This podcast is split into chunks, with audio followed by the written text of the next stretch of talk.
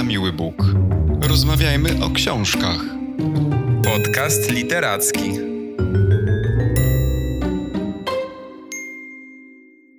Cześć, dzień dobry, witamy w kolejnym odcinku naszego podcastu. Dzisiaj porozmawiamy o książce Izbica Izbica. Jest to reportaż wydany przez wydawnictwo Czarne i całkiem niedawno nominowany do nagrody imienia Ryszarda Kapuścińskiego. Autor reportażu Izbica Izbica, Rafał Hetman, jest dzisiaj razem z nami. Dzień dobry, Rafale. Dzień dobry. Cześć Rafale, cześć Maćku. Ja pozwolę sobie w kilku zdaniach powiedzieć kilka informacji na temat Rafała Hetmana, którego myślę większość z naszych słuchaczy zna z vloga literackiego Rafał Hetman o książkach. Ale trzeba powiedzieć, że Rafał jest również reporterem, którego artykuły pojawiały się w Gazecie Wyborczej, w Tygodniku Powszechnym, ale też w bardziej branżowych magazynach jak Hidusz, czyli w magazynie o tematyce żydowskiej. A dzisiaj spotykamy się z Rafałem w związku z książką Izbica Izbica. I przejdę od razu do rzeczy, która jest najbardziej aktualna. W ostatni weekend mogliśmy właśnie śledzić rozdanie nagród imienia Ryszarda Kapuścińskiego, o którym Maciek wspomniał. E, to jest bardzo ważna nagroda tutaj na polskim rynku literackim. E, chciałem zapytać Cię, Rafale, jak Ty się czujesz jako debiutant literacki, który jest nominowany, e, który był nominowany do tak prestiżowej nagrody i wystąpił właśnie wśród tak e, ważnych i, i zacnych konkurentów, finalistów tego konkursu? No oczywiście bardzo dobrze się czuję.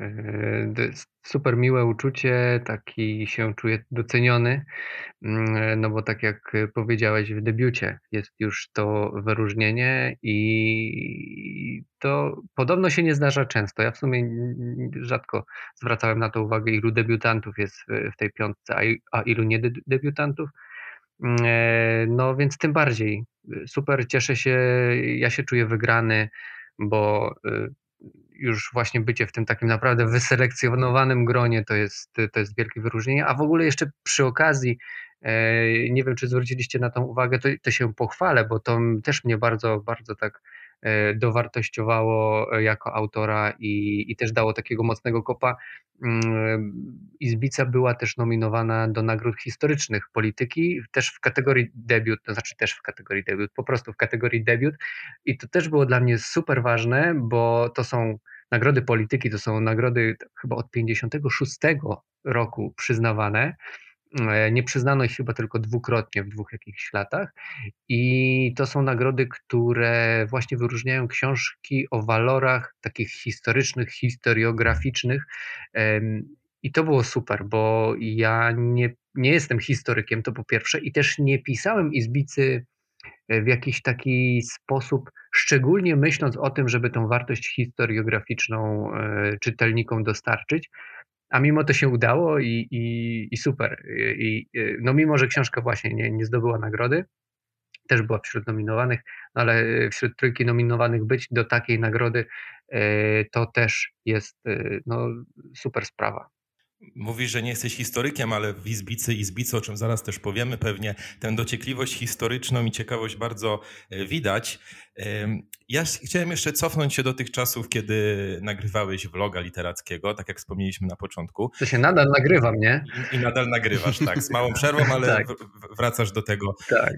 więc czekamy oczywiście. E, ale co chcę powiedzieć? Recenzujesz książki, a zdecydowałeś się w końcu być również recenzowanym. Chciałem zapytać właśnie, kiedy przyszło ci do głowy, że chcesz być po tej drugiej stronie i chcesz napisać książkę? A no właśnie, bo ludzie, którzy znają mnie z internetu, to mają taką perspektywę, mm, że ja w którymś momencie pojawiłem się w internetach, na blogu, na Facebooku, na Instagramie i na YouTubie i zacząłem opowiadać o książkach, bo z jakiegoś powodu, nie wiem, czytałem ich dużo.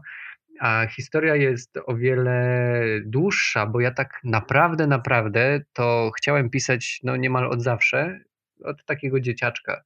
E, robiłem różnego rodzaju gazetki dziadkom albo pisałem takie książki w zeszytach i naprawdę y, zawsze, prawie zawsze chciałem być pisarzem. Więc y, to, to marzenie o pisaniu książek było naprawdę takie, mm, pochodzi z dzieciństwa i ja mniej więcej w liceum stwierdziłem, że chcę być dziennikarzem, e, więc czytałem od liceum książki reporterskie e, i próbowałem się z nich nauczyć pisania właśnie takiego no fajnego, takiego jak piszą inni. Czytałem gazety i czytałem książki i tak naprawdę na studiach, kiedy zacząłem czytać Kapuścińskiego po raz pierwszy świadomie, to dopiero wtedy stwierdziłem, że chcę, nie chcę być dziennikarzem, tylko chcę być reporterem i to reporterem piszącym reportaże literackie, czyli takie książkowe. E, więc y, to ten mój zamysł, ten, ten mój pomysł o pisaniu książek e, reporterskich to pochodzi gdzieś tak z 2006-2007 roku, powiedzmy, 8 może. E, I się tak ciągnie, ciągnie, aż do dzisiaj się ciągnie. Mm, więc ja, jako ta osoba recenzująca, pojawiłem się tylko z tego powodu, że w którymś momencie stwierdziłem, że o, czytam dużo książek reporterskich, no to może zacznę o nich opowiadać w internecie, skoro i tak je czytam, i tak będę je czytał, to podzielę się e, z ludźmi moimi uwagami, moimi opiniami i może sobie oni też poczytają fajne książki, bo wydaje mi się, że ja całkiem fajne książki czytam. I e, to z tego względu ja teraz, kiedy wydałem książkę i jestem właśnie recenzowany i, i też e, no, jakoś tam oceniany jako autor, E, nie czuję się źle, nie czuję się jakoś dziwnie, nie, nie czuję jakiegoś takiego przejścia, nie wiem, jakiegoś Rubikonu albo w ogóle zmiany strony, tylko e, po prostu czuję się tam, gdzie chciałem być od niemal zawsze, a dla mnie, z mojej takiej perspektywy oczywistej, to blog, vlog i te wszystkie rzeczy internetowe są epizodem, raczej e, taką okazją do trochę takim polem, na którym ja sobie eks eksperymentuję, uczę się taką szkołą, e, trochę publiczną, no bo o tym opowiadam, nie? E, I no tak, i to jest epizod raczej niż e, coś, co planowałem, że będę długo robił. O. To już wiemy dlaczego reportaż, natomiast dla mnie zagadką pozostaje temat. W poprzednim odcinku naszego podcastu rozmawialiśmy o wykładach literackich o pisaniu autorstwa Margaret Atwood i między innymi też o tym, że wiele osób nosi w sobie książkę. Książkę rozumianą jako coś, co wydarzyło się w naszym życiu, o czym być może inni chcieliby czytać. E, I przyszło mi też do głowy, że często debiuty są bardzo osobistymi książkami, pisanymi z serca, niektórzy mówią, że z brzucha. Czy w tym przypadku też tak było? To znaczy, czy ty czujesz, że Izbica była tym tematem, który cię męczył, e, który musiałeś opowiedzieć, czy może tak wyszło po prostu? To znaczy, równie dobrze mogłeś napisać debiut o czymś zupełnie innym? Tak, jeżeli chodzi o takie debiuty właśnie z brzucha, czy takie, takie najgłębsze, e, to Izbica taka na pewno nie jest. Ja sobie te książki, które będą takie bardzo, bardzo moje, takie wręcz autobiograficzne e, w jakimś stopniu albo w znacznym stopniu, to dopiero sobie planuję. Mm, Izbica oczywiście jest taka bliska mojemu sercu z tego względu, że ja Izbicę od właściwie zawsze znałem, bo moi dziadkowie pochodzą spod Izbicy, ze wsi e, spod Izbicy i ja do dziadków przyjeżdżałem na wakacje, na każde wakacje, właściwie co roku jestem e, właśnie w tamtych e, okolicach na jakiś tam wypoczynek dłuższy, chociaż teraz już krótszy. Więc Izbicę znałem, bo była takim miasteczkiem, w którym się załatwiało różne sprawy, robiło się zakupy, e, na pocztę, do urzędu się chodziło mm, i e, ona gdzieś tam była. Oczywiście ja nie znałem jej historii, nie znałem tego wszystkiego, o czym później napisałem, ale na pewno byłoby mi łatwiej odnaleźć się w tym miejscu, które znałem, tym miejscu jako debiutant, jako reporter, który debiutuje książką, e, bo też jak czytaliście książkę, to wiecie, że ona jest trochę osobiście osadzona, bo na początku mamy odniesienia do takiej mojej rodzinnej historii. Jest babka, e, prababka Julka, e, Główną bohaterką jest mój dziadek, czyli jej syn, i na końcu jest też takie zamknięcie osobiste, powiedzmy, no, no nie jest jakoś takie super osobiste, ale jest takie mm, rodzinne.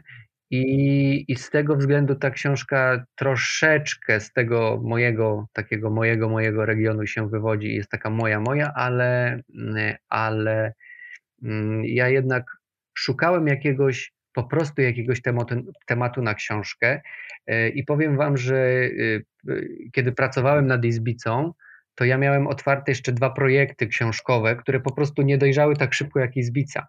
W którymś momencie po prostu zauważyłem, że Izbica jest tym tematem, z którego ja naprawdę jestem w stanie napisać książkę, więc mówię, ok, skoro ona idzie, to niech ona idzie.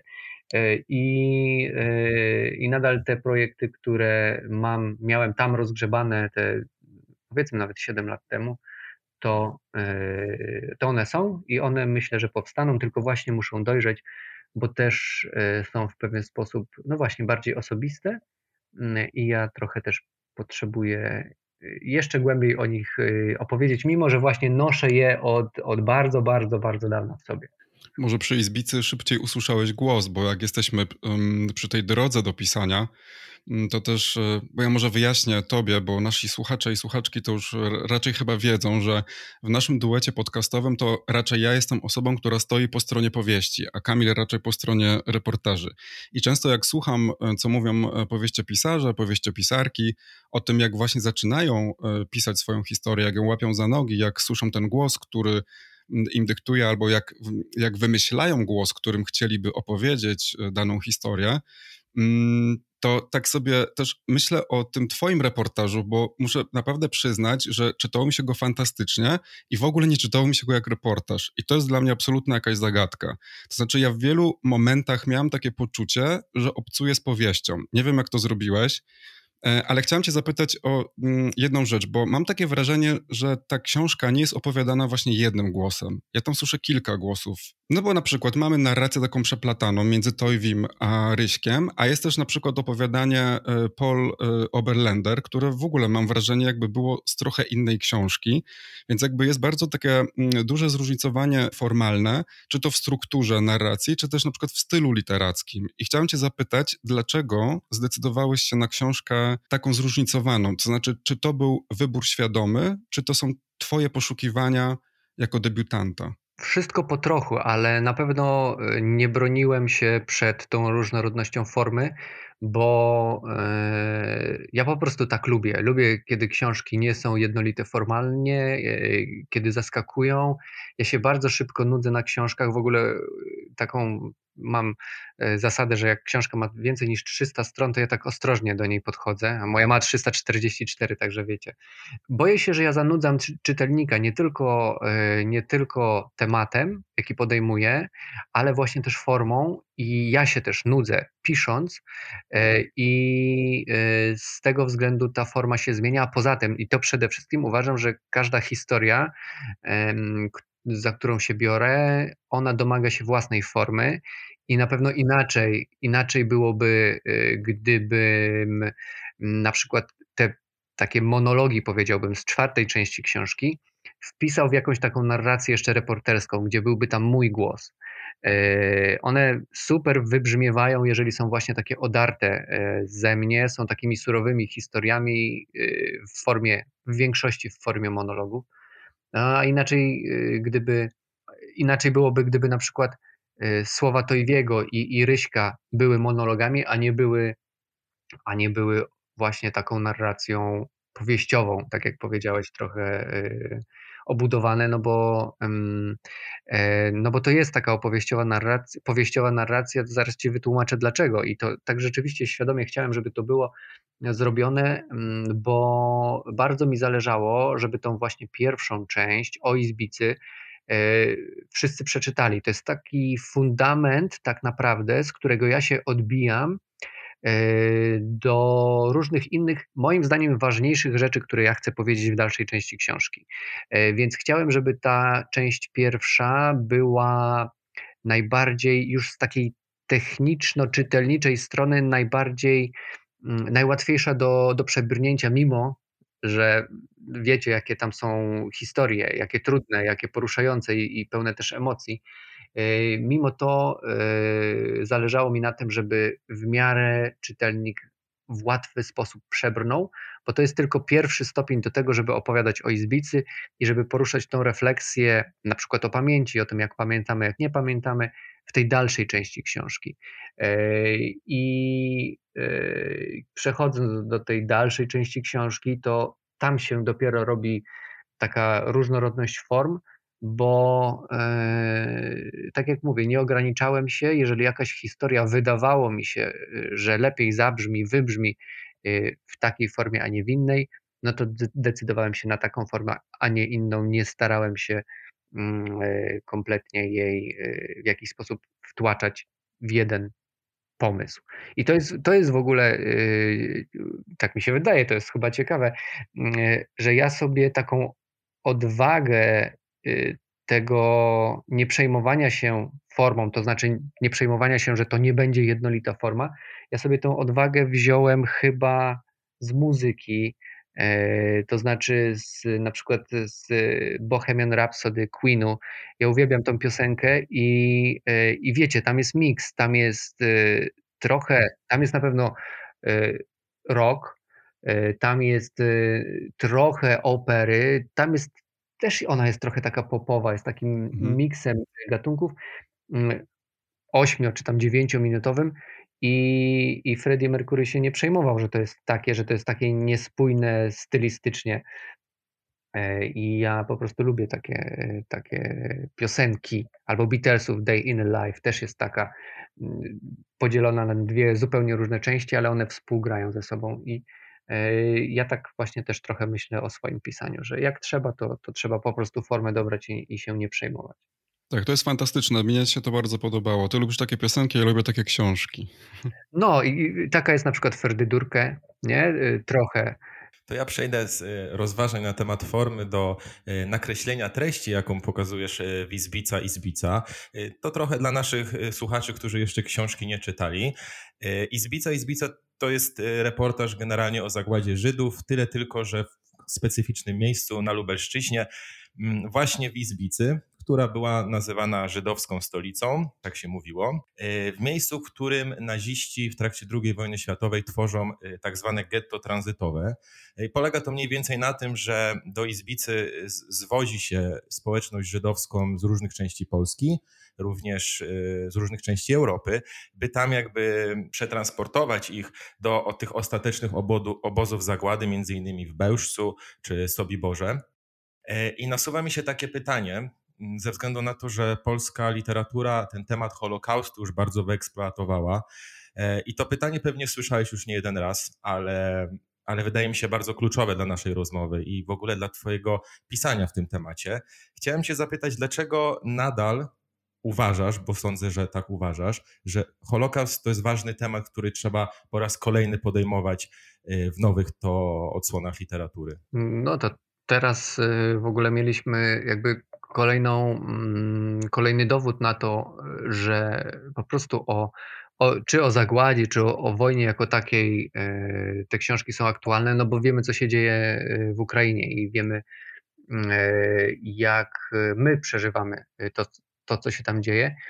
I z tego względu też właśnie między innymi, żeby jakoś sobie poradzić z tymi emocjami, sięgamy po różne książki i myślę, że czytanie właśnie Izbicy w kontekście tego, co się dzieje e, za naszą wschodnią granicą, też będzie zupełnie innym czytaniem niż na przykład e, jeszcze w styczniu, na przykład, gdybyśmy Izbicy czytali, bo ja na przykład najmocniej sobie przypominam taki fragment właśnie z Izbicy, kiedy już E, istnieje getto tranzytowe w Izbicy. Już e, do Izbicy zwożeni są Żydzi z różnych części Polski na razie, bo jeszcze nie z Europy, z Polski.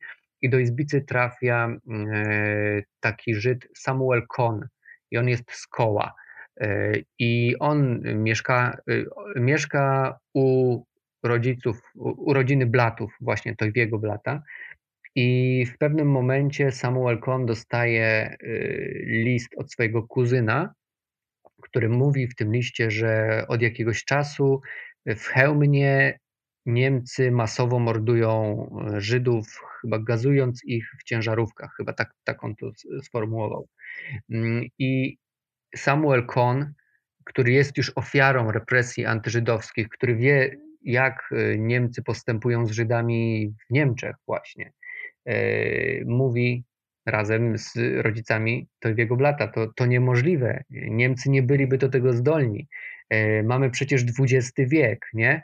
I to jest niesamowite, że my te same słowa powtarzamy teraz od lutego że to niemożliwe. No, taka wojna w Europie w XXI wieku, to co się działo w Buczy, w Irpieniu, to Rosjanie są do tego zdolni, nie? Więc y, mimo, że y, wydaje się, że to jest y, reportaż historyczny, ta moja izbica, to on porusza i będzie niestety też poruszał mm, aktualne tematy. Mm, I to się chyba nie wyczerpie. A poza tym, już na takim bardzo ogólnym poziomie, takim uniwersalnym, bardzo często opowiadam o tym, że pisanie po prostu o czasach wojny kiedy właściwie każda e, nasza decyzja niesie ze sobą jakieś konsekwencje i, i nawet to, że jesteśmy neutralni wobec tego, co się dzieje, ma swoje konsekwencje albo może mieć swoje konsekwencje, to taka sytuacja mm, jest w dzisiejszych czasach no rzadka, bo my y, czasami właściwie nie musimy podejmować decyzji. E, zawsze mówię, no, nawet nie musimy iść na wybory, jeżeli nie chcemy decydować o przyszłości kraju, nie musimy podejmować trudnych wyborów. A w czasie wojny, e, jeżeli ktoś do nas puka i prosi o pomoc, to my możemy przyjąć, możemy nie przyjąć, e, możemy mówić, że my nie przyjmujemy, bo jesteśmy neutralni, ale to będzie miało konsekwencje dla tej osoby. Później dla nas też, dla jakichś naszych wyrzutów sumienia, jeżeli, mm, jeżeli będziemy mieć. I y, chciałem trochę, właśnie pisząc tą książkę, postawić czytelnika w takich sytuacjach, co ja bym, był, co ja bym zrobił, zrobiła w takiej i w takiej sytuacji, kiedy nie mogłabym albo nie mógł nie zdecydować. I to mi się wydaje takie najbardziej, mm, no takie ważne, żebyśmy się zmierzyli z różnego rodzaju decyzjami, y, no chociaż na kartkach książki, żebyśmy sobie to przećwiczyli w głowie, i, i być może w przyszłości już byli trochę mądrzejsi o, o te nasze przemyślenia, które dzięki książce się zadziały w naszej głowie. A zauważyłeś jakiś może odbiór właśnie, szczególnie mam na myśli tutaj młode pokolenie, na treści zawarte w Izbicy, Izbicy.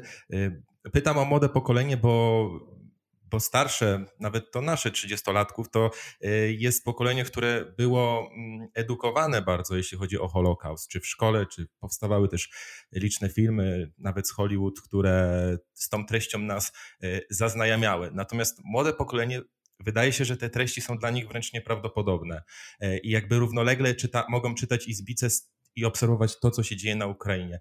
Y, zastanawiam się, czy masz jakiś odzew, szczególnie z tego młodego pokolenia, które na przykład jest dla ciebie zaskakujący i potwierdza też twoją tezę, którą, którą mówisz na temat odczytu i zbicy.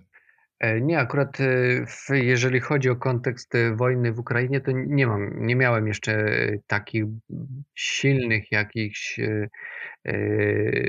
właśnie feedbacków od ludzi, ale mm, jeżeli chodzi o tych najmłodszych, to na pewno y, historia Izbicy, po prostu sama książka inspiruje mm, te młode osoby do szukania przeszłości swoich miast i miasteczek. I to jest bardzo fajne, że ja sobie napisałem książkę o Izbicy w województwie lubelskim, a ludzie właśnie z Pomorza, ze Śląska, z centralnej Polski y, zaczęli się pod jej wpływem, próbowali czegoś dowiedzieć o tym, czy przypadkiem moja miejscowość nie, jest, nie ma przeszłości żydowskiej, niemieckiej czy jakiejś innej. I, i to było fajne. I to, to chyba było takie najsilniejsze, że, najsilniejsze w tym znaczeniu, że najwięcej osób właśnie dzieliło się takimi e, spostrzeżeniami, że dzięki Twojej izbicy e, zacząłem, zacząłem szukać w przeszłości. E, I to było naprawdę bardzo, bardzo dużo osób, a nie jakieś takie jednostkowe mm, e, przypadki. Właściwie na każdym spotkaniu, po każdym spotkaniu ktoś podchodzi i właśnie opowiada jakąś taką osobistą historię ze swojego miasteczka. Do tego stopnia, że ja sobie właśnie ukułem takie powiedzonko, że izbica jest wszędzie. To znaczy mechanizmy, które ja opisuję na przykład wypierania y, pamięci o przeszłości jakiejś trudnej y, są uniwersalne dla no, całej Polski. I, i, I te mechanizmy z Izbicy można odnaleźć wszędzie. Myślę, że to jest w ogóle bardzo budujący feedback i bardzo wyjątkowy, bo y, to też opisujesz w samej Izbicy, jak młode pokolenie w szkołach zaczęło organizować y, kółka zainteresowań na temat historii, czy robić gazetki na temat y, historii żydowskiej, czyli młode pokolenie niesie ze sobą jakąś nową treść, czego jeszcze ich rodzice i dziadkowie trochę się wstydzili albo nawet lękali, prawda? No tak, tak. E, I to jest super, ale też tak nie, jakoś nie patrzę na młode pokolenie jako na pokolenie jakieś stracone albo e, z mniejszą wiedzą niż my. Wydaje mi się, że chyba aż tak źle nie jest. Bo są e, osoby zainteresowane, przecież w naszym pokoleniu też raczej mniejszość interesowała się tak naprawdę, naprawdę jakimiś tematami historycznymi i, i próbowała, nie wiem, właśnie w świadomy sposób odkrywać przeszłość swojego miasteczka czy, czy dzielnicy. Więc yy, to, co się dzieje w Izbicy, to, że młodzi pamiętają, chcą pamiętać, ale też wielu nie pamięta i kompletnie nie interesuje się przeszłością, to to jest też charakterystyczne, wydaje mi się, dla, dla całej Polski. Tak, to jest w ogóle ciekawe, to co mówisz właśnie o pamięci i niepamięci. I jak mówisz o tym feedbacku, który otrzymałeś, to ja się zastanawiam, co ci młodzi ludzie odkryją w tych swoich miastach i czy to, co odkryją, zostanie jednak z nimi albo z kolejnymi pokoleniami na dłużej, bo z jednej strony przecież nie minęło tak strasznie dużo lat, żeby nie pamiętać, nie? I gdy ja czytałem y, pierwsze rozdziały twojej książki, no to sądziłem tak początkowo, że to jest książka o pamięci, że że opowiadasz historię, no, którą już trochę znamy, mm, a przynajmniej słyszeliśmy no, w mniej lub y, bardziej podobnej formie. I właśnie po to, aby je zapamiętać, ale też nie tylko to, co się wydarzyło, ale też te konkretne osoby, to znaczy, by pamiętać y, każdą z tych osób, które opisujesz, ale im bliżej końca, tym bardziej się umacniałem w przekonaniu, że to jest książka właśnie o niepamięci, o niepamiętaniu. To jest bardzo, bardzo subtelna różnica. I dla mnie Izbica to książka o tym, że zapomnieliśmy albo na przykład, że nie chcemy pamiętać. Znaczy okropne były te opisy tych rad gmin i tak dalej, które, które stawiają pomniki wybranym, jakby nie, nie są obiektywne w ocenie historii. I wiem, że pewnie każdy czytelnik, każda czytelniczka mają jakiś swój klucz y, odczytywania tej książki i, i rozumienia jej. Natomiast mnie ciekawi, gdy pisałeś tę książkę, to myślałeś o tym, żeby pisać właśnie bardziej o pamięci, bardziej o niepamięci? Ciekawi mnie, czym ta książka jest dla ciebie tak naprawdę. Mm, rzeczywiście było tak, że na początku ja miałem bardzo silne mm, takie przekonanie, że e, zapisuję właśnie, tak jak powiedziałeś, niektóre osoby po to, żeby one były tam w tej książce, żeby one gdzieś tam nie odfrunęły z pamięci właśnie, bo, bo e, jednak coraz mniej też w dokumentach pewnie y, mm, ty, ty, tych starych dokumentów się mniej zauważa, więc te osoby, które są gdzieś tam w tych dokumentach zapisane, to też odlatują gdzieś w jakąś niepamięć i rzeczywiście chciałem je zachować, ale w pewnym momencie pisania, na szczęście, gdzieś tak jeszcze w początku, mm, bardzo sobie postanowiłem, że moje założenia ok, ale też ważne, żeby y, historie, które odkrywam w miarę pracy nad książką, żeby prowadziły mnie tam, gdzie mnie prowadzą. To znaczy, żebym ja nie próbował sterować tymi historiami, żebym ja nie próbował materiału, który zdobywam, naginać do swoich jakichś tam przekonań, których nabrałem w trakcie pracy nad książką, żeby E, te historie mnie prowadziły, a gdzie mnie poprowadzą, no to ja sam jestem ciekaw, ciekaw i chodźmy. Mm, więc y, ta książka do pewnego momentu jest na pewno o pamięci, e, taką, ma taki charakter konserwujący pamięć, ale właśnie w wielu późniejszych tekstach piszę o tym właśnie, jak y, nie pamiętamy, próbuje przedstawić te różne formy niepamięci i tej takiej prywatnej, i tej takiej powiedzmy publicznej, oficjalnej, gdzieś tam u szczytu lokalnych władz, bo raczej się na tej lokalności zatrzymuje, ale też są yy, inne, różne takie oblicza, no właśnie, pamięci i niepamięci, i przetwarzania tych mechanizmów, które na przykład na początku książki opowiedziałem, a teraz pokazuję je trochę z innej perspektywy, rzucam inne światło. Mm, mam tu na myśli na przykład, jest taki rozdział z wycieczką do Izraela, w którym ja pokazuję, że władze izraelskie nie za bardzo nie za bardzo chcą zadbać o cmentarz muzułmański. Mm, I to jest ten sam mechanizm, który ja opisywałem wcześniej w Polsce, że władze polskie nie za bardzo chcą zapamiętać, pamiętać o cmentarzu y, żydowskim, albo e, co tam jest jeszcze takiego, taki bardzo też wyraźny zwrot, na pewno dostrzegliście w rozdziałach gniew, one, w rozdziale gniew, on jest raczej na początku, ale tam niektórzy bohaterowie, których obserwowaliśmy jako ofiary, którym kibicowaliśmy, robią, no, zmieniają się i y, patrzymy na nie zupełnie inaczej. Y, widzimy ich ciemną stronę i nie oceniamy już tak ich jednoznacznie, tylko nam się tutaj pojawia taka jakaś niewygoda. I to też było dla mnie ważne, żeby mm, wiele tych niejednoznaczności, które odkryłem właśnie w miarę pracy nad, y, z materiałem, zapisać i nie bronić się przed nimi, bo one są wartością, one właśnie prowokują tą refleksję, mm, a koniec końców tak naprawdę w całej tej książce chodzi o tą właśnie ostateczną refleksję, o te wszystkie przemyślenia, które masz w trakcie czytania książki, E, bo to z nimi zostajesz później, no mam nadzieję, na dłuższą część życia, e, tak bym chciał, i to one ci mogą pomóc e, już niekoniecznie wtedy, kiedy myślisz o historii, wtedy, kiedy myślisz o, o przeszłości żydowskiej, polskiej, tylko po prostu tu i teraz. Mm, I, i, i ja tak myślę o pisaniu, że, że książka i, i te historie, które, które są w książce, są tylko narzędziem dla nas tu i teraz, żeby było lepiej. I to, co napisałeś na stronach swojej książki, miejmy nadzieję, że zostanie z nami na, na bardzo długo i przeżyje, o ile nie stanie się kolejna jakaś katastrofa pod tytułem palenie książek i tak dalej, albo kasowanie wersji. A są jeszcze e-booki, wiesz, elektroniczne wersje. Tak, właśnie chciałem dodać, że albo nie wiem, jakieś kasowanie takie systemowe wersji cyfrowych. Sprawdziłem sobie, że we Wrocławiu, z którego pochodzimy, E, przy ulicy Świdnickiej 39 wmurowano w chodniku właśnie dwa kamienie pamięci z niemieckiego Stolperstein. To taka mosiężna kostka, na której widnieje e, imię i nazwisko ofiary Holokaustu. I na jednym z tych kamieni napisano tu mieszkała Rose Bernstein-Treitel, urodzona w 1891 roku. W 1942 roku deportowana do getta w Izbicy, zamordowana w 1942. E, Gustav Deming, e, artysta stojący za, za ideą kamieni pamięci, których zresztą wmurowano już chyba ponad 75 tysięcy, powiedział, że w Talmudzie zapisano, że pamięć o człowieku trwa, dopóki pamiętane jest jego imię. I w Twojej książce imion jest wiele i zostały zapisane na zawsze, przynajmniej mam taką nadzieję. E, właściwie możemy powiedzieć, że dzięki też Twojej książce przetrwa pamięć e, o wielu Żydach e, i Żydówkach.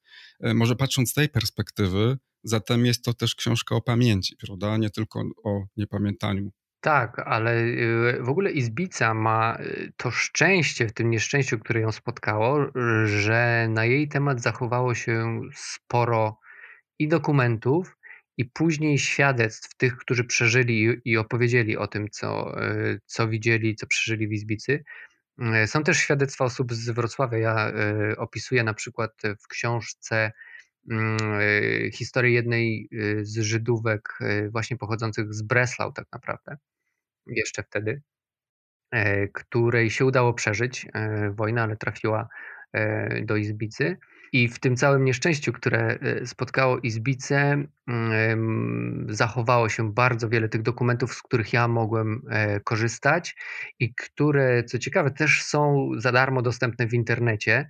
E, świadectwa na przykład nie tylko właśnie Żydów i Żydówek, którym się udało przeżyć, ale też świadectwa, relacje mieszkańców nie żydowskich z Izbicy E, są one na YouTubie w ogóle dostępne. Można je poszukać w bibliografii książki mojej i tam są linki, można sobie je wpisać i, i, i całych historii sobie posłuchać.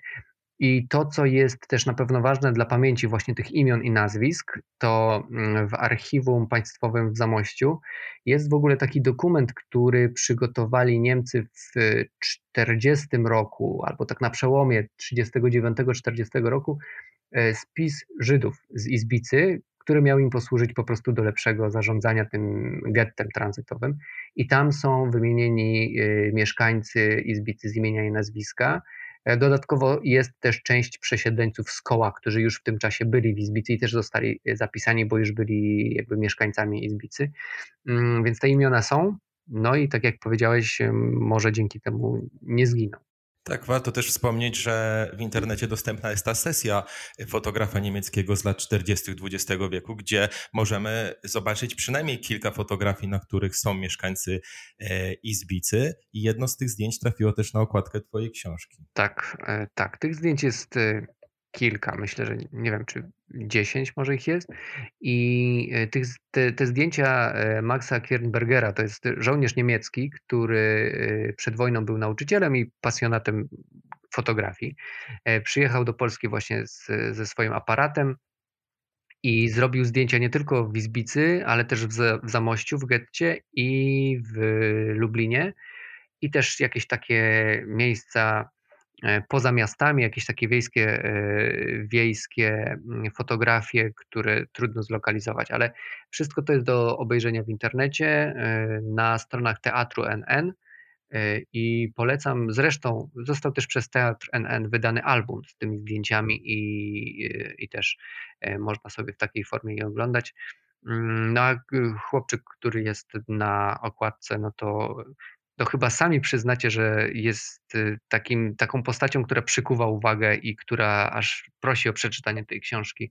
I jak go zobaczyłem, to wiedziałem, że, że chcę go mieć na okładce. Na to, tak. Jasne, tylko po przeczytaniu tych treści też jakby patrzenie na to, na to zdjęcie przyjmuje zupełnie inny wymiar i, e, i to jest takie bardzo dwuznaczne, że jest ten uśmiech, a z drugiej strony znamy cały ten tragiczny background, który się w Izbice odbył właśnie w tych czasach. Tak, tak. To, o to chodzi, żeby była ta dwuznaczność, żebyś ty się zastanawiał, o co tutaj chodzi z tym uśmiechem i dlaczego on się uśmiecha, mimo że mm, takie rzeczy dotknęły pewnie jego, jego rodzinę, Izbicę, bo też nie wiadomo, czy to jest chłopczyk żydowski e, tak naprawdę, jeżeli mielibyśmy być precyzyjni. Zresztą ja o tym piszę e, w książce, bo w Izbicy nie było żadnego muru, nie było żadnych ogrodzeń, nie było żadnego getta strony aryjskiej i, i, i, i getta. E, wszyscy mieszkali w Izbicy wymieszani ze sobą, e, bo tak było przed wojną i nie dało się odseparować tych ludzi w jakiś sensowny sposób, więc to mógł być naprawdę mm, chłopczyk chrześcijański, żydowski. E, nie wiadomo i to też sprawia, że on jest tym bardziej ciekawy. Może dodajmy jeszcze, że tam nie było tych murów, bo Izbica jest, była geograficznie położona bardzo na rękę oprawcom, prawda? Tak, tak. I z tego też względu y, tam powstał, y, powstało to getto tranzytowe, bo z jednej strony y, płynie wieprz, który jest naturalną granicą, a z trzech innych stron mm, są wzgórza, właściwie takie wzgórza Doliny Wieprza, które mm, są dosyć strome i trudno się e, po prostu przez nie przebić, jeżeli się tam gdzieś strategicznie e, patrole e, ustawi. Mhm. Tak, Rafale, jak już wspomniałeś wcześniej, wojna to są czasy ekstremalne i też jest to taki papierek lakmusowy na różne postawy ludzi. I ty pokazujesz te różne postawy w swoją opowieścią, również właśnie w kontekście polskiej społeczności. E, I tutaj wydaje mi się, że wchodzimy mimo wszystko na, na, taki grząski grunt, choć wcale uważam, że nie powinniśmy traktować tego jako temat kontrowersyjny, bo chyba naiwnym byłoby twierdzenie, że 100% danej społeczności jest w stanie się zachować w sytuacji ekstremalnej szlachetnie e, i na przykład poświęcić swój komfort na, dla dobra innych. My wiemy po lekturze z Izbicy, że postawy były bardzo różne polskim społeczeństwie. I teraz chciałem Cię zapytać, czy jako debiutujący autor i w ogóle jako autor, czy miałeś jakiś lęk przy pisaniu Izbicy właśnie pod tym względem, że z tej lektury nie wypływa jednoznaczny obraz szlachetnego Polaka? Pytam tylko dlatego, że znamy retorykę pewnych grup, która bardzo głośno krytykuje jakiekolwiek y, w cudzysłowie antypolskie relacje właśnie z okresu II wojny światowej. Mm, nie, nie miałem, nie miałem żadnych obaw, bo y, ja sobie niczego nie wymyśliłem i za każdą, za każdym zdaniem, w którym y, opisuję mm, to, że ktoś komuś pomógł, albo to, że ktoś komuś nie pomógł, stoi jakieś źródło, a najczęściej kilka. I y, z tego względu no, nie miałem się czego bać. Moim zadaniem było, tak mi się teraz wydaje, zachowanie odpowiednich proporcji. To znaczy, jeżeli ja w dokumentach, e, które czytałem, znajdowałem, e, odkrywałem, że już teraz te proporcje trochę tak z głowy mówię, to one nie będą, e, nie będą chyba adekwatne do tego, co jest w książce, bo już nie pamiętam tak dokładnie, ale że jeżeli ja się spotykałem na przykład w 80% z relacjami na temat odmów pomocy albo z relacjami na temat tego, że niektórzy swoich sąsiadów wydawali mm, albo że rabowali y, zamiast im pomagać, no to moim zadaniem było y, oddanie tych proporcji w tekście y, i nie próbowanie właśnie pokazać, że było 50-50, bo nie było 50-50. E, mm, I to było dla mnie chyba takie no, najważniejsze od takiej technicznej strony przy pracy w tych książkach. A nie, nie bałem się też z tego względu, że e, to, co być może dla e, niektórych będzie zaskakujące, ale te relacje o tym, że ci chrześcijańscy sąsiedzi, no to nie zawsze byli tacy y, przyjaźnie nastawieni do tych żydowskich sąsiadów, nie zawsze chcieli im pomagać, to te relacje mam i ze strony żydowskich mieszkańców Izbicy, i ze strony nieżydowskich y, mieszkańców Izbicy. To znaczy, y, wszyscy mniej więcej pamiętają, że było wiele osób, które właśnie chętnie wydawały Żydów, później, kiedy Żydów już nie było w Izbicy, to albo zasiedlali ich domy, albo e, rabowali e, właśnie te domy. I to też mi dawało takie, takie poczucie bezpieczeństwa, że to nie jest tylko, tak w cudzysłowie mówiąc, jedna strona, ta żydowska, jest w jakiś sposób, nie wiem, czy przewrażliwiona, czy z poczuciem krzywdy i po prostu ma taką, taki punkt widzenia i widzi tylko to zło, które im wyrządzono ja miałem czarno na białym, e, że również relacje właśnie mieszkanków i mieszkanek Izbicy mówią o tym samym, opowiadają podobne albo te same sytuacje z innych perspektyw. E, więc e, tutaj byłem pewien, że po prostu to, co piszę, jest zgodne z prawdą i że ja się nie muszę niczego bać, no bo czemu mam się bać prawdy? A gdy spoglądałeś na źródła, albo czytałeś te wszystkie relacje, albo pracowałeś nad swoją książką, było coś, co cię przeraziło? Bo mówiliśmy już o tym, że te wszystkie historie, one są mniej lub bardziej nam znane. E, to jest też temat, który mnie w jakiś sposób interesuje, ale muszę przyznać, że za każdym razem, gdy sięgam po nową e, książkę, nową pozycję na ten temat, zawsze odkrywam coś, co, co no, nie znajduję innego słowa, co po prostu mnie przeraża. Na przykład w Twojej książce mm, to były opisy roli, jaką odegrała e, polska straż, polscy strażacy to jest coś, co bardzo mi się kojarzy ze sceną z filmu Lista Schindlera, gdy gestapowcy schodzą do kanałów i stetoskopami nasłuchują, y, czy gdzieś w pobliżu ukrywają się y, właśnie Żydzi. I jest też takie zdanie w twojej książce, które mnie po prostu zmroziło, że wtedy do roboty biorą się Polacy, planowo metr po metrze. I chciałem Cię zapytać, czy w związku z ciężarem tej materii, z którą musiałeś się zmierzyć, czy Ty też znalazłeś jakieś takie odkrycie, coś, co sprawiło, że musiałeś zamknąć te źródła, wyjść, y, nie wiem, z domu, odetchnąć? Nie, tak, takich sytuacji nie miałem, bo y, też y, spodziewałem się tego, co ja mogę w Izbicy odkryć, bo przecież czytałem dużo wcześniej wiele książek na ten temat i w tych książkach no było, było dużo podobnych sytuacji. Więc ja byłem na to przygotowany i y, nie wiem, czy z tego powodu, czy po prostu taki jestem przy pisaniu. Do wszystkiego podszedłem na chłodno, e, raczej próbując właśnie, nie wiem, odkryć jakiś mechanizm e, albo zastanowić się po prostu, jak to napisać, żeby e, dana scena powiedziała to, co ona rzeczywiście mówi. Więc nie, nie, Chciałem jeszcze w nawiązaniu do niepamiętania, bo jeden z bohaterów twojej książki mówi o tym, że choć Polacy krytykowali zarządzania antyżydowskie, to w głębi duszy wielu z nich było zadowolonych, że bo będą mieli Polskę bez Żydów, taką Polskę, o, o jakiej marzyli.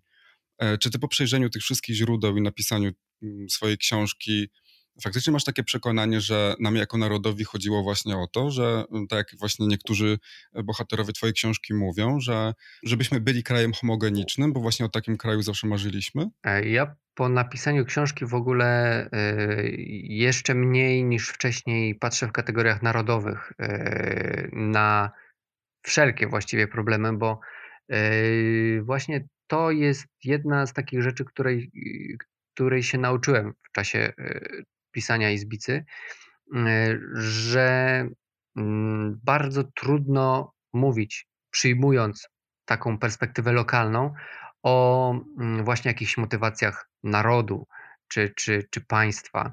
E, I tutaj widać, że konkretne wydarzenia e, dzieją się za sprawą konkretnych ludzi i konkretnych decyzji tych ludzi. I te wszystkie ofiary i wszyscy sprawcy y, mają twarze, to nie, to nie jest y, tłum jakiś bez, bezimienny, to nie jest właśnie naród czy, czy, e, czy społeczeństwo na przykład. Nauczyłem się, że trzeba patrzeć o wiele bardziej przez indywidualny pryzmat konkretnej, pojedynczej sytuacji, która jest umieszczona w konkretnym kontekście i geograficznym, i czasowym, i, i trochę też politycznym, a nie spoglądać właśnie na, e, na naród i próbować jakoś wydobyć jego, jego esencję, bo, e, no bo wiecie, jak to też współcześnie wygląda. Można powiedzieć, że no nie wiem, Polacy są gościnnym narodem i w pewnym stopniu to by się potwierdziło, e, patrząc na to, jak przyjedliśmy na przykład y, uchodźców z Ukrainy. Ale no też słyszycie głosy tych niezadowolonych, nie? I to nie jest tak, że cały naród, czy wszyscy Polacy. Więc y, myślę, że e, tak samo e, było wtedy. A te słowa, które e, przytoczyłeś, które wypowiada, a właściwie zapisuje Marceli Najder, który e, przeżył wojnę i który w czasie wojny stracił prawie wszystkich ze swojej rodziny, tak naprawdę przeżyła tylko jego żona, e, brat, rodzice zginęli. On pisze te słowa mm, pod wpływem wielkich emocji, tuż po zakończeniu wojny, kiedy właśnie jest rozżalony, rozgoryczony że przeżył y, tak wiele, a po wojnie widzi jeszcze ten antysemityzm, e, więc jest podwójnie rozbity i w swoim pamiętniku właśnie nie szczędzi słów krytyki właściwie wszystkim, nie tylko e, Polakom, ale też e, powiedziałbym ogólnie aliantom, jak traktują Niemców. Więc też musimy brać trochę poprawkę na Marcelego Najdera, ale znowu jest to e, genialny mm, taki zapis stanu ducha żydowskiego ocaleńca e, w tamtym czasie. To nie jest y, relacja pisana po latach, to jest pisane tu i teraz. To był dziennik, z którego te, te słowa zacytowałeś, i dzięki temu dziennikowi możemy jakby wejść właściwie w głowę takiego Żyda, który przeżył zagładę, stracił niemal wszystkich i co on sobie myśli, z jakiej perspektywy patrzy, właśnie jakie emocje nim targają. W takim momencie zastanawiam się, czy ty jako osoba, Rafale, głęboko jakby w tym temacie funkcjonująca, mam na myśli temat antysemityzmu e, i w ogóle mm, polskiej historii w odniesieniu do społeczności żydowskiej, zastanawiałeś się kiedyś, i masz jakąś gotową na przykład odpowiedź, y, kto jest odpowiedzialny za to, że nam tak długo y, zajmuje przepracowanie tej historii i że nie potrafimy patrzeć na tą historię, na tę kartę polskiej historii bardziej w szarych barwach, a wszystko musi być tak bardzo czarno-białe? Hmm, no nie mam takiej odpowiedzi oczywiście. Myślę, że to, nie wiem, historycy i socjologowie lepiej by odpowiedzieli i mm, tak na gorąco powiedziałbym, że my wszyscy. E, jesteśmy e, sami sobie winni trochę. E, no, boimy się podejmować trudnych tematów. Mm, bardzo dużą rolę ja zawsze widzę w szkole, która no, też historii uczy tak jak uczy, czyli raczej mm, pobieżnie, skupiając się moim zdaniem trochę za bardzo na na jakichś takich tematach średniowiecznych y, czy, czy starożytności i zbyt mało, w konsekwencji zbyt mało poświęcając czasu historii najnowszej, e, która jest y, trudniejsza z tego względu y, nie tylko dlatego, że jest jakoś bardziej skomplikowana, tylko po prostu jest jeszcze świeża i nie wszyscy mają, nie wszyscy wiedzą może jak o niektórych sprawach mówić, bo niektóre sprawy są politycznie w jakiś sposób uwikłane. Ale no myślę, że, że szkoła ma tutaj dużo, dużo e, do zrobienia w nauczaniu historii, nie w sposób taki, wiecie, ja to zawsze mówię memiczny, e, że jest bitwa pod Grunwaldem 1914, Krzyżacy, nie? I dalej lecimy. A, a kontekst jakiś w ogóle, o co chodziło, to jest mniej ważne. Na sprawdzianie ważne, że pamiętasz datę, nie? Mm, I w nauczaniu tej historii najnowszej jest podobnie, zwłaszcza w ogóle, że nie wiem jak u was było w szkole, ale w mojej szkole ledwie, ledwie za każdym razem dochodziliśmy do tej II wojny światowej i w sumie nigdy XX e, wieku jakoś super przerobionego nie mieliśmy, nawet na takim podstawowym poziomie. Tak, to już był czerwiec i, tak, i zbliżały się wakacje. Dokładnie, a to jest też ciekawe, jeżeli już jesteśmy przy szkole, to zauważcie, kiedy w nauczaniu historii pojawiają się Żydzi. E, którzy są z nami od tysiąca lat, tak naprawdę są częścią społeczeństwa od tysiąca lat, a oni pojawiają się dopiero właśnie e, w czasach II wojny światowej, kiedy e, zaczyna się zagłada i o, nagle ktoś się może zdziwić, no ale skąd Żydzi, nie? Bo wcześniej ich nie było. Stąd rola tych wszystkich muzeów żydowskich rozsianych po całej Europie, bo gdy do takiego muzeum wchodzimy, faktycznie mm, wcześniej nie wiedząc y, zbyt dużo, możemy się zdziwić, y, jak długo Żydzi w Europie żyją i właściwie, że zawsze stanowili bardzo y, ważną część naszej kultury. Natomiast wracając do współczesności, bo w przedostatnim rozdziale przedstawiasz właśnie historię ze współczesnej Izbicy, ale ja się jeszcze powołam na chwilę na taką relację, chyba też powojenną. Jeden z bohaterów e, twojej książki mówi o tym, że żaden Żyd nie odważy się tu przyjechać i ma na myśli Izbicę, bo miejscowi spadkobiercy żydowskiego dobytku nie mogą znieść widoku żydowskiej twarzy, która im przypomina, że nie mieszkają we własnych mieszkaniach, że handlują nie we własnych sklepach i że nawet ich bielizna należała do wymordowanych Żydów. I wracając do historii ze współczesnej Izbicy, wiemy, że one zostały napisane w głównej mierze na podstawie rozmów z dzisiejszymi mieszkańcami miasta. I ten fragment, który przytoczyłem, każe mi się zastanowić, jak współcześnie w Izbicy ludzie mówią o Żydach. Ja wiem, że zmieniło się pokolenie, wiem, że to są zupełnie już inne czasy i tak dalej, ale jestem ciekawy, czy kolejne pokolenie chce mówić. E, jak reaguje na takie pytania, albo może moje pytanie powinno brzmieć przede wszystkim, jak rozmawiać e, z mieszkańcami współczesnej Izbicy o tak trudnej przeszłości. Wbrew pozorom, właściwie wszyscy, to znaczy przedstawiciele każdego pokolenia, z jakim rozmawiałem, raczej chętnie na ten temat mówią.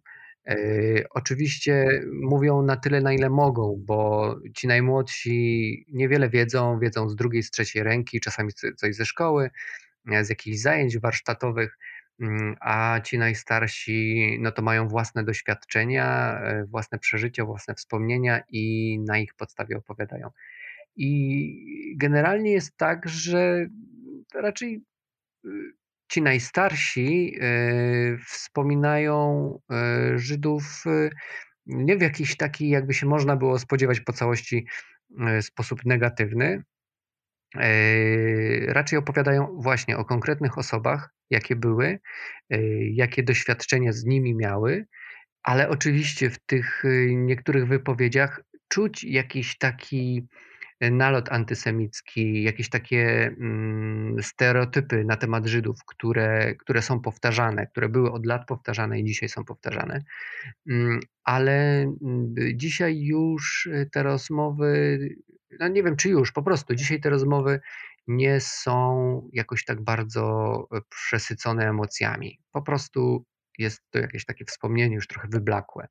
I mimo, że e, no właśnie jest ta przeszłość trudna, to da się o tym porozmawiać. Wielu mieszkańców jest świadomych tego, co się wydarzyło, bo w przekazach rodzinnych coś tam było powiedziane, ale jednak większość mm, tą historię zna na takim bardzo bazowym poziomie, na takim poziomie ogólnych y, wiadomości, które właśnie gdzieś tam mogli dziadkowie powiedzieć, bez konkretnych na przykład nazwisk czy konkretnych sytuacji, które y, mogłyby przytoczyć te osoby. Tak, ale też myślę, że takie być może wrogie nastawienie do, do Żydów nie jest takim czystym antysemityzmem, tylko właśnie płynie z takiego prostego lęku, że ktoś się obawia, że aha, teraz ktoś przyjdzie i zabierze mi dom, bo to jest y, dom pożydowski, mimo że jest rok 2022, prawda? Tam zresztą chyba opisujesz taką historię, dobrze pamiętam, że ktoś y, przyjeżdża do swojego domu i chce go zobaczyć, po prostu chce zobaczyć, jak kiedyś y, mieszkano, ale oczywiście ta pierwsza reakcja jest taka wroga, i, i ta, ta osoba bo, boi się wpuścić e, tę osobę do swojego domu, bo boi się też właśnie, że ten dom może stracić. Tak, ja opisuję historię, to co, o czym powiedziałeś, to jest historia księdza Pawłowskiego i to chyba, i, i to nie miało miejsca w Izbicy, mm, tylko w jakimś innym mieście, ale w Izbicy też słyszałem takie, mm, takie historie, e, w których się mówiło o przyjechała jakaś e, stara Żydówka i oglądała miejsce, w którym ponoć kiedyś mieszkała. I, I ludzie się zastanawiali, czy chce kupić, czy chce zająć, czy chce odzyskać w jakiś sposób. Więc te lęki są, są żywe, ale teraz już się pojawiają sporadycznie bardzo i, i myślę, że nie są takie wielkie, jak jeszcze byłyby na przykład 30 lat temu. Zmierzając już ku końcowi naszej rozmowy, chciałbym jeszcze się podzielić swoją obserwacją na temat y, tej ostatniej części Twojej książki, o których już dzisiaj kilka słów powiedzieliśmy, y, bo ona w odróżnieniu właśnie do pierwszej części, tej bardziej faktologicznej, wydaje mi się, że jest takim Twoim trochę artystycznym artystyczną opinią, trochę e, nawiązaniem do tego, jak współcześnie możemy też interpretować e, historię izbicką. E, I tam pojawia się takie opowiadanie o współczesnych Ukraińcach, o ich obecności w Polsce. Ta obecna sytuacja z przyjeżdżającymi do Polski Ukraińcami i żyjącymi wśród nas ma według mnie właśnie wiele takich wspólnych mianowników. Dlatego cieszę się, że ta część książki skierowała moje myślenie właśnie w tę stronę pomyślałem sobie, że właśnie bardzo łatwo jest w sytuacji, kiedy kolejny już miesiąc Polska pomaga Ukraińcom, y, czy materialnie, czy mentalnie, znaleźć w sobie y, pewne takie momenty zwątpienia w tę pomoc i zaraz potem pozwolić sobie na jakąś niechęć i jakieś inne agresywne y, czy inne negatywne emocje względem tej pomocy. E, I też jechałem ostatnio tramwajem w swoim mieście we Wrocławiu i na jednej z kamienic e, był duży napis precz z Ukraińcami.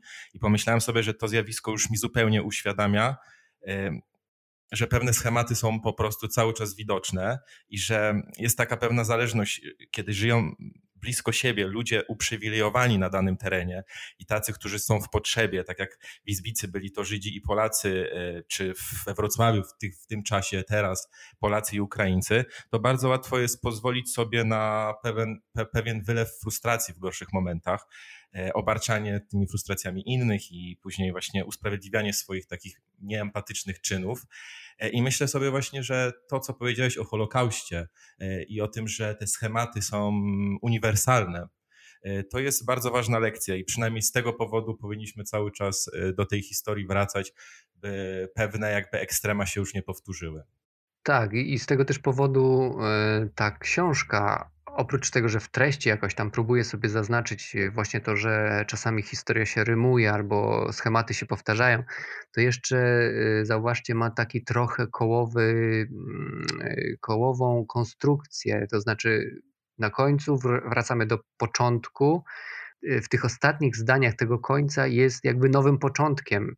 Tam się pojawiają słowa znowu z początku książki bardzo świadomie chciałem właśnie w ten sposób zaznaczyć, że, że historia nie ma takiego mm, linearnego e, kształtu, tylko ja rozumiem historię, że ma ona taki kołowy kształt i z tego względu właśnie się powtarza, czasami się rymuje mm, i o tym też e, warto pamiętać. W takim razie na koniec ostatnie pytanie, żeby trochę rozładować też napięcie. E, jaka będzie twoja kolejna książka? Również trudna, również nieoczywista y, i też y, prowokująca wiele y, refleksji, nie tylko o pamięci, ale również o samym reportażu i pisaniu reportażu i opowiadaniu opowieści. Ale muszę dopytać, czy pozostajesz w tym obszarze, w tym temacie, czy to będzie zupełnie coś innego?